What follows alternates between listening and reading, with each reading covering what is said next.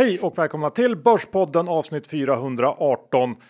Vi har med oss vår huvudsponsor som ju såklart är Skilling, den svenskägda multi-asset tradingplattformen som fokuserat på säkerhet, snabbhet och enkelhet. Något annat John de fokuserar på det är ju att hela tiden förbättra villkoren för alla sina traders. Vad har de gjort nu? Ja, det är faktiskt så att vi har den glädjande nyheten att berätta att Skilling nu har sänkt eh, spreadarna ytterligare, både i index och i enskilda aktier. Eh, index är ju faktiskt en väldigt stor del av vad många eh, traders handlar på daglig basis. Det rör sig mycket, man kan ta stora positioner, det är likvitt och då spelar det väldigt stor roll för ens PNL, alltså profit and loss, hur stora spreadarna är. Absolut John. Eh, och när det gäller enskilda aktier så är det ganska rejäla sänkningar eh, som har skett. Eh, amerikanska aktie-CFDR, där är det 30% minskning på spreaden och när det gäller till exempel tyska aktie-CFDR, då är det hela 50% Samma för spanska, och italienska och franska. Så att det är eh, inte något snack bara, utan här är det verkligen eh, rejäla förbättringar som Skilling har genomfört och det tycker vi är kul. Ja, verkligen. Och det är därför vi använder Skilling. Ja, och har man ännu inte ett konto, då är ju det här en eh, ypperlig anledning till att starta ett. Så att eh, det är bara att ladda ner appen eller gå in på hemsidan och starta ett konto enkelt med BankID. Och det finns svensk kundtjänst om man behöver hjälp. Men kom ihåg, 63 av retailkunder förlorar pengar om de handlar er. Besök skilling.com för en fullständig ansvarsfri skrivning. Och med det då, så säger vi ett stort tack till Skilling. Den här veckan John, så blir det massor av innehåll helt enkelt. Vi kommer snacka ja, mjukstarter. Vi kommer snacka EBM som haft one hell of a week och eh, mer. Ja, vi har ju bytt eller ska byta statsminister och dessutom är det ju väldigt många bolag som har rapporterat som vi kommer granska. Så är det. Men innan vi kör igång så är vi också sponsrade av Lendify. Ja, och börsen är ju väldigt högt värderad nu. Det känns bra att ha pengar vid sidan om börsen. Ifall det blir en börskrasch så kan man använda det kassaflödet man får från Lendify när man är sparare där att då kanske flytta över lite pengar till aktier. Men just nu har vi en väldigt stor del av vårt företagspengar hos Lendify och det är vi väldigt nöjda med att varje månad kunna casha in amorteringar och ränta. Ja, och John, du brukar titt som tätt vara inne på andrahandsmarknaden och skopa upp portföljer när det dyker upp tillfällen. Så det är också en intressant aspekt av Lendify. Vill ni testa det här? Ja, då gör ni det med fördel via vår länk lendify.se Borspodden. För gör man det, då får man 500 kronor extra insatt på sitt konto om man stoppar in och investerar minst 20 000 kronor. Som det säger vi stort tack till Lendify. Johan Dr. Bass Isaksson Index är i 2370 det var en liten svacka några dagar men har återhämtat sig till återigen höga nivåer.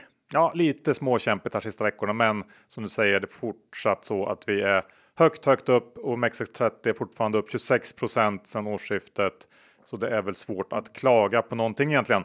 Eh, och man brukar ju säga att flöden eh, är kanske det viktigaste som finns när det gäller börsutvecklingen i stort. Flöden styr allt och det har väl nästan aldrig varit mer sant än nu. Sedan pandemin startade så har flödet av kapital in på världens börser varit på en nivå som aldrig tidigare skådats och eh, det här gör att när det gäller makro så behöver man egentligen bara hålla koll på en sak och det är vad gör centralbankerna och vilka flöden skapar det. Nu på fredag så håller ju eh, Fed sin årliga Jackson Hole-konfa och eh, kan vara kanske lite extra värt att hålla koll på vad som läggs fram där. Eh, för eventuella kursändringar kan ju ge stor effekt på börsen. Ehm, ja. Ja, det är väl ett tapering man väntar på när de ska dra tillbaka pengar från marknaden. Alla centralbanker som inte har hänt eh, sedan i princip 2008. Ja, när eller om kanske som du säger där. Du som du var inne på i början statsministerbyte på G i Sverige.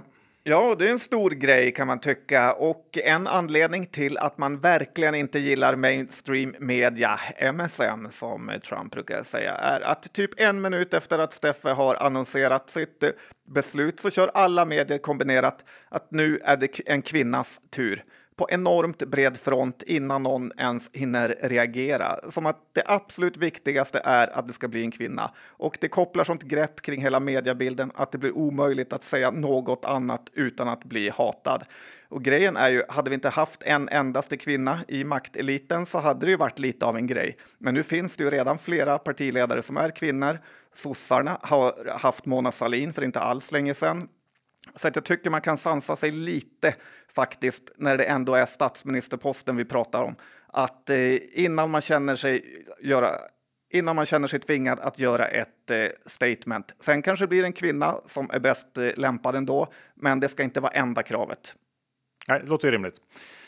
Uh, det är slut på semestrarna för de flesta om och då vill ju många ha en så kallad mjukstart in i vardagen. Ja, men kan vi inte bara slippa alla de här hundratals artiklarna som nu handlar om att eh, folk måste mjukstarta några veckor på jobbet efter semestern för att inte bränna ut sig. Och eh, innan semestern så var ju temat att man behövde minst fem veckors eh, sammanhängande vila för att kunna verkligen vila ut sig. Och sen blev alla laktos och glutenintoleranta som utlöstes av det höga tempot. Jag tycker faktiskt det är dags att steppa upp. Tror ni någon i Afghanistan eller Sydsudan har fem veckors sammanhängande semester för att överleva? Eller Johan, för att inte tala om eh, traders utsatthet? Ja, det pratas inte mycket om. Nej, det är inte kul kan jag säga. Nej, men det är faktiskt tid för Sverige att vakna upp och inse hur bra vi har det. För gör vi inte det så kommer vi inte ha det så här bra längre. Du efterlyser alltså lite mer jävlar anamma kan man säga. Verkligen. Ja. Eh, EBM har ju figurerat i media flitigt sista veckan. Ja, faktiskt. Det har varit en liten EBM-week nu och utredningen mot Ibra har blivit nedlagd för hans håsningar av Clemondo och Parans Solar, antar jag. Och eh, det troligaste är nog så att Ibra i och för sig pumpat Satan Perkel, får man säga, men han har nog aldrig dumpat riktigt, det vill säga sålt då. Eh, så han är nog den som faktiskt har förlorat mest på det här och jag tycker kanske att det märks också på hans extremt eh, sura ton. Eh, kort inlägg också kanske då om hans claim to fame case Clemondo här som rapporterade eh, som trots kollapsen från toppen ändå lyckades prestera en jättekass rapport och eh, bolaget är i min bok inte mer värt än kanske en krona, 1,50 om man är snäll. Eh, så att det finns eh, fortfarande stor nedsida här och man inser ju hur eh, mättad marknaden är på desinfektionsmedel eh, och faktiskt hur värdelöst det är att haka på sådana här kortsiktiga aktiehypar. Ja, eh, jag håller helt med. Nummer två då Johan, får jag fortsätta? Ja, ja, Tre okay. roliga saker. Och mm. det är ju att Johan Karlström har gett sig in i chattforumgruppen Aktieraketer och eh, hårdsålt sin egen Fingerprint-aktie eh, där han både är storägare och ordförande samt väntar på åtal för eh, insideraffärer då i samma bolag. Man får ändå säga att det är ett helt nytt grepp att vara inne och härja på Aktieraketer-forumet. Jag gillar också hans egna bisats där han skriver “Jag är knappast ojävig”. Det får man väl ändå säga here, here på. Ja, det får man ju verkligen. Eh, tredje då? Ja, och det är ju att eh, Percy Nilsson och Dan Olofsson står inför skranket under en rättegång som började igår rörande Victoria Park-budet. Och eh, det känns ju som att eh, Percy Nilsson är så skyldig att det inte ens skulle behövas en rätt, rättegång, utan han får mer dra det här eh, monopolkortet, gå i fängelse, direkt i fängelse utan att eh, passera gå. Eh, och sen vet man ju dock att Percy kommer att trivas alldeles utmärkt i finkan och direkt börja med någon ny verksamhet där. Ja, jag tycker kanske att du går lite händelserna i förväg där. Eh, vi ska ju inte döma någon innan de är dömda så att säga, men det blir intressant att följa den rättegången. Sen har vi ett par positiva nyheter. Vi kanske kan börja med den i Nibe eh, och den är väl mest positiv för Gert-Erik. Ja, och alla andra aktieägare. Men en liten glömd nyhet är ju att efter och i och med Nibes superrapport förra veckan så gick ju Gert-Erik, eh, som är då vd och stor ägare på Nibe, upp och blev god eh, för över 10 miljarder kronor, vilket är väl en drömgräns. Och eh, lite sjukt nog är det ungefär lika mycket som LeBron James har tjänat under sin 18-åriga karriär i både sponsorintäkter och eh, lön. Och jag tycker det säger något om hur lönsamt aktier kan vara. Eh, för att bli världens bästa basketspelare någonsin, eller kanske näst bäst efter Michael Jordan, det är ju helt omöjligt hur hårt man än skulle satsa. Men att investera i ett företag och bli snuskigt rik på det är ju något som verkligen är möjligt för de allra flesta. Mm. Pengar är ju inte alltid om. Nej, sorry. Nej, bara så att du vet. Ganska mycket. Ja. och den då andra positiva nyheten, det är ju att eh, aktielåtsfenomenet är tillbaka. Alltså, det vi... låter, kommer en ny hit? Ja, vi, pratade om det här senast i december förra året. Och då var det ju den här Twitterprofilen Aktieentreprenören som släppte flera olika Played-låtar. Eh, men sen dess har det varit eh, aktielåtstorka eh, fram tills i veckan då. För nu har det dykt upp en ny aktielåt. Har du hört den? Nej, faktiskt inte. Vill du höra? Ja, verkligen. Ja, eh, då lyssnar vi på den och så ska vi kanske ge lite feedback.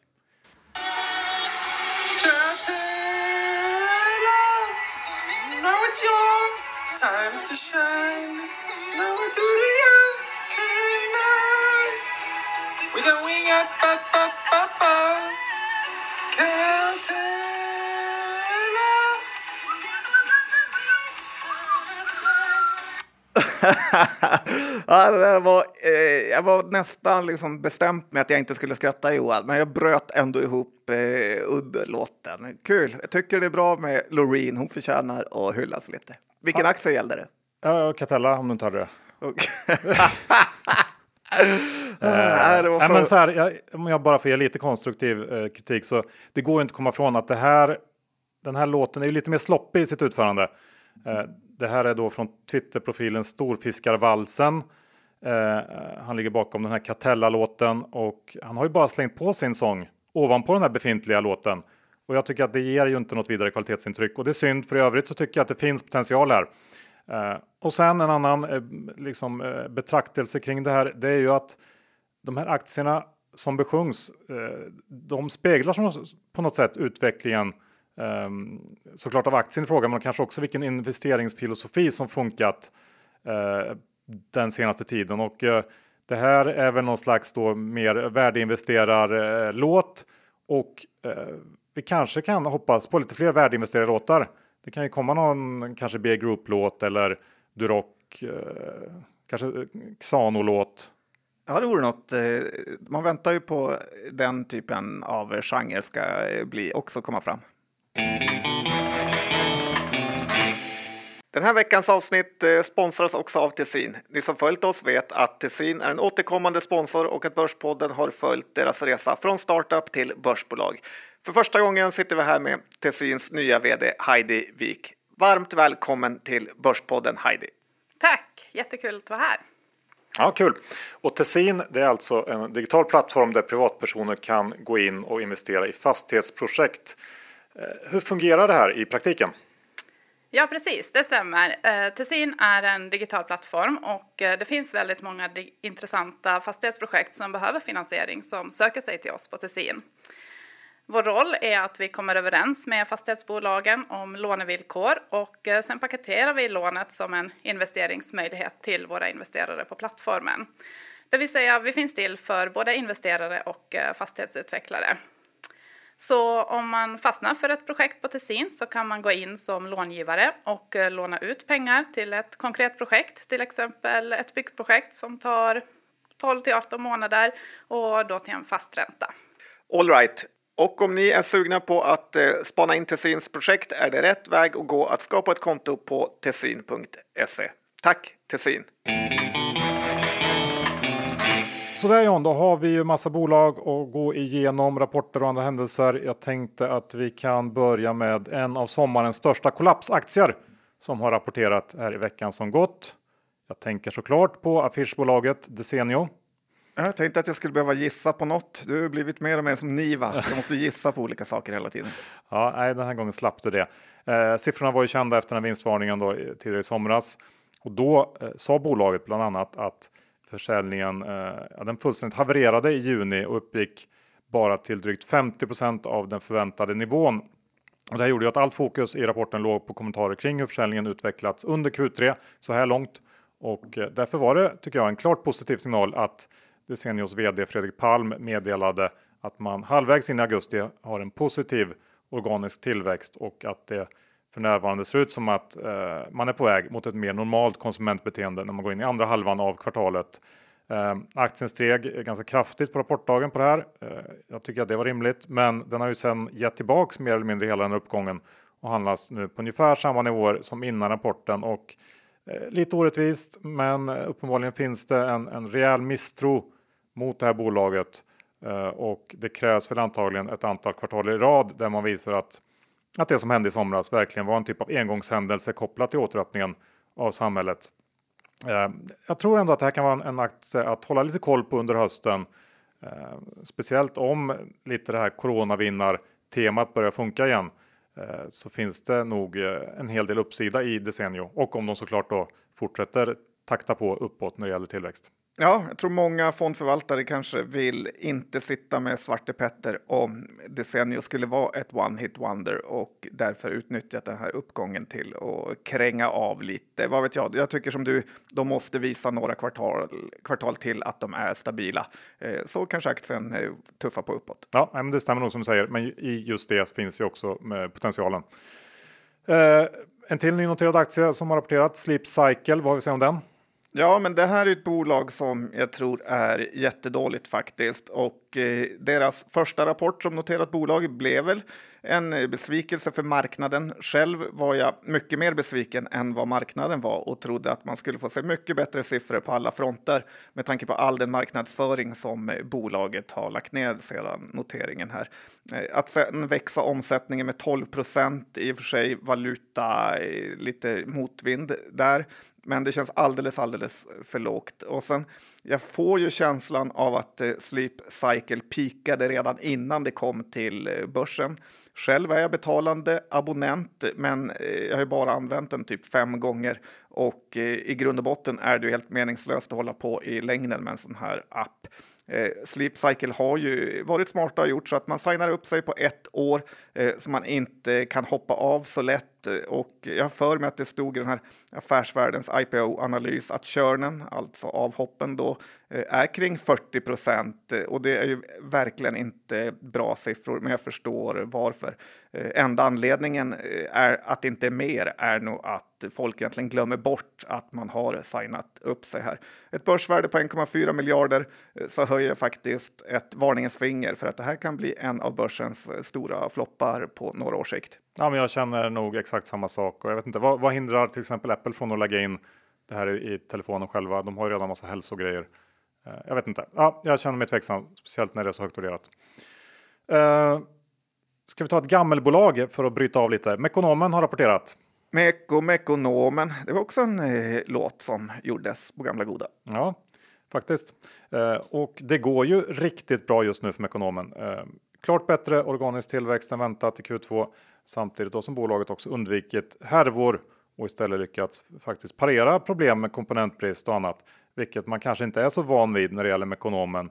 Eh, och marginalmässigt så befinner sig det här bolaget nu på en högre nivå än innan pandemin och det ser ut som att Mekonomen verkligen har tagit tillvara på den här möjligheten som pandemin bjöd på i den mening att eh, en hel del onödiga kostnader nog har skurits bort helt enkelt och på lite längre sikt kan man nog fortfarande oroa sig för vad en allt högre andel el elbilar kommer att innebära. Men eh, det ligger väl fortfarande några år fram innan det påverkar på riktigt. Eh, aktien har dock kommit upp rejält och eh, om man gör runt 10 spänn i vinst per aktie i år så har i alla fall jag svårt att se någon, någon uppsida från dagens nivåer runt 180 spänn eh, som aktien handlas kring. Eh, så att för mig eh, känns det här lite som ett avslutat eh, kapitel på något sätt.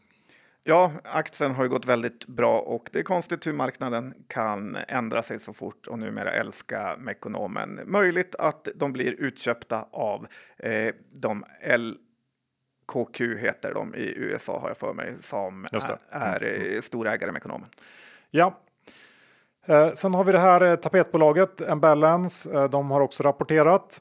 Ja, och eh, en, någon typ av tapetshop på nätet, men också att de säljer sina tapeter för de äger eh, tapetmärkena i fysiska butiker. Och de hade rapport igår, eller om det var i måndags här, Eh, senast eh, jag pratade om det här bolaget var väl när jag dominerade på DTV har jag för mig. Eh, sen dess har jag inte blivit inbjuden igen. Gabriel Mellqvist eh, eh tålde inte att eh, jag tog all stjärnglans. Var det så Johan? Jag kollar faktiskt inte så jag vet inte. eh, nej, jag är inte bitter här. Nej, men det var en fin Q2 av Ambulance och jag tror faktiskt att bolaget är lite så här dubbelstukat. Eh, dels av eh, den sektor bolaget befinner sig i, eh, alltså typ renoveringssektorn, Byggmax, lågvärderad sektor. Eh, men också att så många andra nykomlingar, då, typ Desenio och sådana inom näthandel, fullständigt Eh, krackelerat sista tiden och det gör att många inte vill fastna i ett eh, sånt här bolag. Eh, jag tror dock att Ambulance kan faktiskt vara ett av de bättre valen i den här sektorn. Jag håller på att tapetsera om lite hemma nu och har faktiskt köpt en hel del eh, såna här Borås tapeter för 900 spänn rullen så att det måste vara en fin marginal på det. Och eh, ja, jag tror faktiskt att Ambulance kan vara något även framåt. Du gillar det? Ja, jag tycker att det är ett bra case. Ja, okej. Okay. Eh, jag har ingen jättestark åsikt, men visst, eh, det ser väl inte jättedyrt ut så att det finns säkert möjligheter. Eh, sen har vi ju dessa gymkedjor. Hur går det för dem egentligen nu? Ja, men det sägs ju vara en sån här comeback eh, kid trade som man ska ta en funderare kring om man ska våga ta. Vet du förresten vilken president som var comeback kid Johan? Tror vi frågat den förut till och med. Nej. Okej, okay, Bill Clinton. Okay. Eh, nu, var det, nu var det jag som var Niva här. Eh, men det finns ju två noterade gymkedjor som är Sats som är noterat i Norge och Actic i Sverige som båda varit eh, riktigt stora förlorare på alla nedstängningar och restriktioner med mera. Eh, min take är dock nog ändå att när jag funderat på det att man ska hålla sig borta eh, från gymkedjorna. För tittar man till exempel på Sats Odenplan eh, så verkar det som att det gymmet eh, håller på att förfalla. Bastun är trasig, eh, det är slarvigt städat, grinden för att komma in är trasig i flera veckor.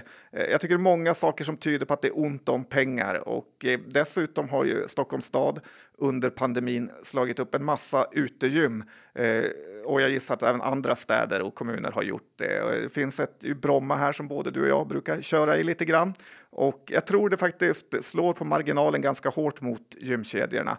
Eh, dessutom så måste gymmen ta och modernisera sig, eh, för man har inte tid att gå dit, byta om, rycka i lite maskiner och sen duscha och gå därifrån. De borde gå mer mot utegymstrenden, att man inte behöver byta om, inte byta skor och göra träningen mycket mer lätt eh, tillgänglig. Så att, nej, tyvärr Johan, man ska inte ta gymtraden. Det skulle jag vilja höra lite mer om. Hur du tänker att man, man går dit i sina vanliga kläder och tränar menar du? Nej, men jag förstår inte. Svårt var... att se hur, hur gymmen skulle kunna fixa det, men. alltså, att, det här att man måste byta skor eh, för att gå på gym är ju väldigt konstigt. Så man ska ha sina vanliga skor? Man ska ha sina vanliga, Johan. Ja, det tar ju en enorm tid ändå att byta skor. Så kan... det var bra tanke John. Vi går vidare. Uh... Vi går vidare som sagt. Du, under slutet av sommaren här så har ju krypto, på tal om comeback kids som du var inne på förut, gjort en comeback och eh, faktiskt återhämtat i alla fall en ganska stor del av vårens ras. Eh, jag skulle inte bli förvånad om vi ser nya all time highs under hösten för diverse kryptovalutor. Och... Men du blev ganska förvånad när den halverades? Ja, det blev jag.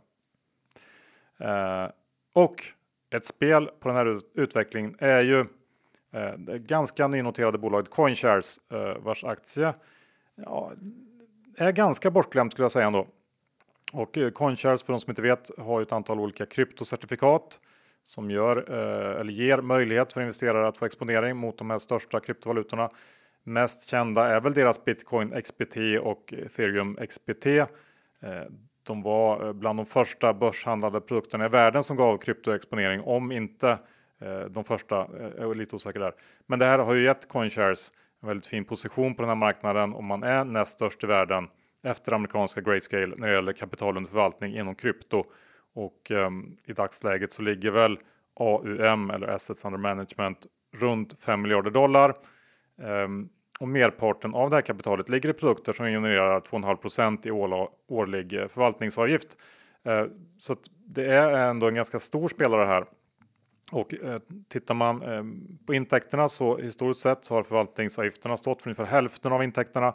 Den andra halvan kommer från egen handel eh, och så har det sett ut även i år.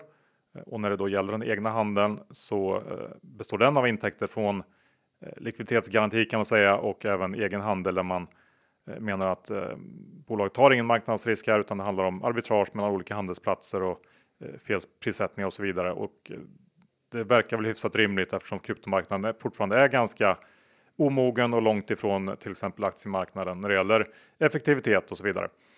Eh, så det går säkert att hitta olika situationer som mer eller mindre är arbitrage eh, på den här marknaden fortfarande.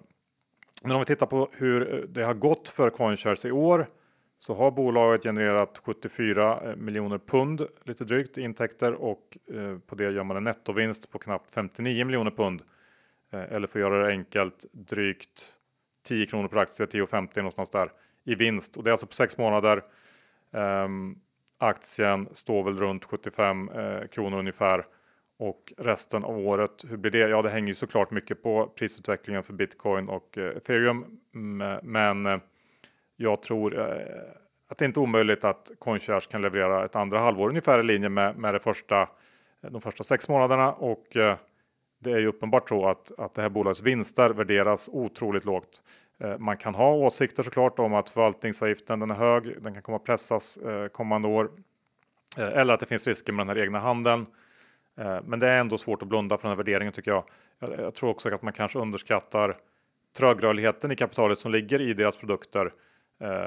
Kryptomarknaden rör sig så enormt mycket att någon procent hit eller dit, det spelar ju inte någon jätteroll för de flesta som vill ha den här typen av exponering och att man sen har längst historik på marknaden och bäst likviditet i de här produkterna tror jag också för många väger minst lika tungt.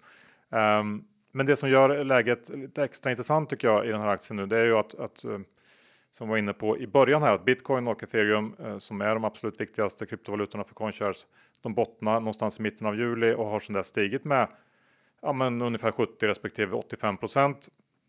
Och samtidigt då som CoinShares aktie eh, inte alls hängt med i samma utsträckning. Den var eh, en bit över 120 kronor i våras när bitcoin eh, toppa eller kryptomarknaden toppa och då 75 kronor nu. Ehm, förra veckan kom ett insynsköp från, från styrelseordföranden och storägaren eh, Daniel Masters på 4,3 miljoner. Det, det, tycker jag känns betryggande och, och jag har i alla fall en liten svingposition i den här aktien. Eh, för att jag tror helt enkelt att det är ganska goda odds här. Ehm, kommande tid. Och man har ju då trenden i kryptomarknaden med sig också förhoppningsvis. Ja, det finns jag... ju en liten risk kanske för att det, det, har gått så extremt mycket så att det finns ju såklart en risk för att både bitcoin och ethereum kan, kan uh, få en lite större pullback snart och det skulle väl uh, sätta stopp för CoinShares också. Ja, sista tiden så har man ju märkt att CoinShares eh, handlas väldigt mycket hur kryptovalutorna rör sig upp och ner. Så att väldigt volatil aktie får man säga. Alltid lite läskigt med såna egen handel alla OV bunker style om det händer något. Eh, men eh, jag tror som du, det här är ett intressant case och jag har inga aktier nu, men jag kan definitivt tänka mig att köpa. Ja. Uh, sen har vi Söder Sportfiske som är på väg in till börsen och ehm, eh, ja, där finns det ju flera eh, bekantingar i ägarlistan. Verkligen, och det är första dagen att teckna sig idag eh, för den här introduktionen, 25 augusti alltså. Och jag säger så här, det är bara att köra. Jag säger det inte ofta, men det är nu det är dags att teckna på frugans depå, barnens depå, barnbarnens depåer. Vi har ju båda jobbat med Petter Hedborg som är en storägare och eh, ligger bakom det här bolaget till viss del. Och det finns ju knappt en bättre kille. Dessutom är det ju toppankare med här som grenspecialisten, klientsfonder och Right eh, är faktiskt med eh, sedan tidigare. Eh, ni vet, Wright är väl störst, absolut största ägare? Absolut mm. största. Och eh, ni vet ju vem som håsade Rappala i precis rätt läge så att jag tycker det är bara att ta rygg här om du gillar att eh, fiska efter pengar. eh, nej, men man kan ju också be besöka den här butiken, vilket är lite roligt. Den ligger på slutet på Hornsgatan. Eh, det låter nästan som reklam det här, men det är bara reklam för pengar till din egen eh, depå. Men sån är jag Johan, ger mer än jag tar. Trevligt. Ja, eh, kul. Då går vi över till någonting som inte är riktigt lika kul och det är de stackars kycklingarna eh, hos Scandi Standard. Ja, börsens mest oetiska bolag har nu också visat sig döda miljontals kycklingar till nästan noll marginal hobbymördare kanske man kan säga som mördar gratis. 2,9 procent i marginal eh, för att hålla på med kycklingfarmar är inte något jag skulle satsa på i alla fall här. Eh, dessutom så gnäller de nu på att värmeböljan i Sverige stört eh, produktionen under juli, så Q3 kommer inte heller bli bra. Nej, att döma ut eh, det här bolaget har nog ett, varit ett av mina lättaste eh, beslut under Börspodden eran faktiskt och det kommer jag fortsätta med. Det här är ett konstant underpresterarbolag med konstanta problem i olika former så det ser alltid billigt ut på prognoser om ingenting ska hända. Men så händer det något så att bolaget är inte billigt och dessutom är det skuldsatt. Ja. Kort och koncist. Ja. ja. Um. Sen, eh, vi fortsätter med de här nynoterade bolagen eh, som underlevererar och underpresterar. Och då eh, tänker jag på eh, Fractal som kom i veckan med riktigt, riktigt usla siffror. Eh, det här är alltså ett datachassibolag och eh, det var väl väntat att det inte skulle bli någon höjda rapport. Komponentbrist och, och stigande fraktpriser eh, skulle såklart påverka negativt. Men Ehm, trots det så kom framförallt resultatet in betydligt sämre än befarat och eh, Fractal redovisar faktiskt en liten rörelseförlust, rörelseförlust i Q2 jämfört med en vinst på nästan 55 miljoner eh, samma period föregående år. Och den stora orsaken är då enligt vd Hannes Wallin eh, extraordinärt höga fraktpriser och bolaget guidar nu för en organisk omsättningsminskning med 15 till 20% för helåret och fortsatt svag lönsamhet året ut. För den som orkar se eh, lite längre än kommande kvartal så eh, kan det här ändå vara ett intressant läge. Det finns såklart risk för att de här störningarna pågår längre än vad alla tror. Ehm, aktien kan säkert vara seg här eh, ganska bra tag framöver, men man får väl ändå utgå från att det här är problem av eh, lite mer övergående karaktär som bolaget faktiskt inte kan eh, påverka särskilt mycket och eh, eh någon gång under 2022 så borde man ju återgå till, till en fin tillväxt. Så att för den som har lite långsiktighet i sig så kanske det kan vara läge att börja titta på, på även Fractal nu. Ja, jag är lite mer tveksam. Känner väl att det har varit pandemidopat av att alla gamers började, att det hängde ihop med dataspelshypen, att så många eh, köpte en gamingdator också. Eh, lite känner man också att investmentbankerna inte har nått eh, som helst samvete när de sätter in skräpbolag efter skräpbolag på börsen som eh, har toppat i princip innan det ens eh, noteras. Så att jag är besviken på dem. Och eh, lite med den här komponentbristen, det trodde jag faktiskt var någon typ av corporate bullshit eh, tidigare. Men ju mer man eh, går i fysiska butiker så ser man mer och mer att det är nästan eh, ja, men 25 procent av alla hyllor är tomma i många butiker. Så att det är ett väldigt problem att få hit eh, saker eh, från Kina. Så jag tror att komponent och varubristen kommer vi få leva med ett tag framöver. Ja, eh, det tror jag med. Ska vi avsluta med eh, lite Skogman titta på spelsektorn? Ja, men faktiskt. Eh, det är dags nu. Jag såg att, eller noterade som man säger med fina ord, att Anders Ström nu har lika mycket pengar i Kindred som i Kambi. Eh, det trodde man inte eh, för ett tag sedan. Just över en miljard i bägge och det är ju resultatet av att Kambi har havererat på börsen och eh, Kindred har gått som tåget. Kindreds börsvärde är nu en bra bit över 30 miljarder och Kambi just över 6-7 där. Men med det sagt så fick jag faktiskt en känsla i helgen att det är tidernas köpläge i Kambi. Att det påminner lite om när AstraZeneca handlades i 250 spänn eh, 2007 eh, då precis alla hade räknat ut dem för att deras patent skulle gå ut om några år. Eh, man kunde då köpa Astra för under P10 och börsen tog ut allt det negativa i förskott och räknade med noll intäkter i framtiden. Det kan vara ett sånt läge i Kambi nu. Man har kvar PEN här som många pratar om under flera år och eh, kommer tjäna massa pengar på dem.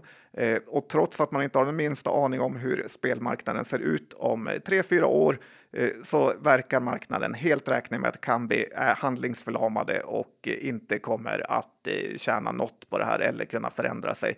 Det finns fortfarande extremt mycket positivt som kan hända, även om det såklart finns risker och jag kan ha fel. Men i antal aktier har jag nog aldrig haft eh, så många i Kambi som nu. Så att, eh, eh, ja, jag tror att marknaden tar ut för mycket negativt och det är möjligt att jag tar ut för mycket positivt. Men man måste våga tro på det man säger. Det måste man och jag tror som dig John faktiskt. Slut på avsnitt 418. Vi säger stort tack till vår huvudsponsor Skilling. Om ni ännu inte har öppnat ett konto så gör det. BankID är det som krävs och det är bara att ladda ner appen eller gå in på hemsidan. Och de har ju också svensktalande kundtjänst om det skulle dyka upp någon fråga. Bra, eh, men kom ihåg då 63% av retailkunder förlorar pengar de handlar CFD. Besök skilling.com för en fullständig ansvarsfri skrivning. John, hur är min hav? Eh, jag kan börja. Kambi tog du upp, det har jag såklart. Eh, Coinshares har jag också köpt på mig här eh, på slutet och tycker jag ser spännande ut. Hur eh, är det för dig? Ja, jag har ju också Kambi och tänker teckna Söders Sportfiske. I övrigt eh, har jag ingenting. Eller kanske lite sugen på Cornshares här igen om den dippar lite. Ja, bra, bra. Då säger vi så och eh, tackar för oss. Hörs om igen. Hej då! Gör vi. Hej då!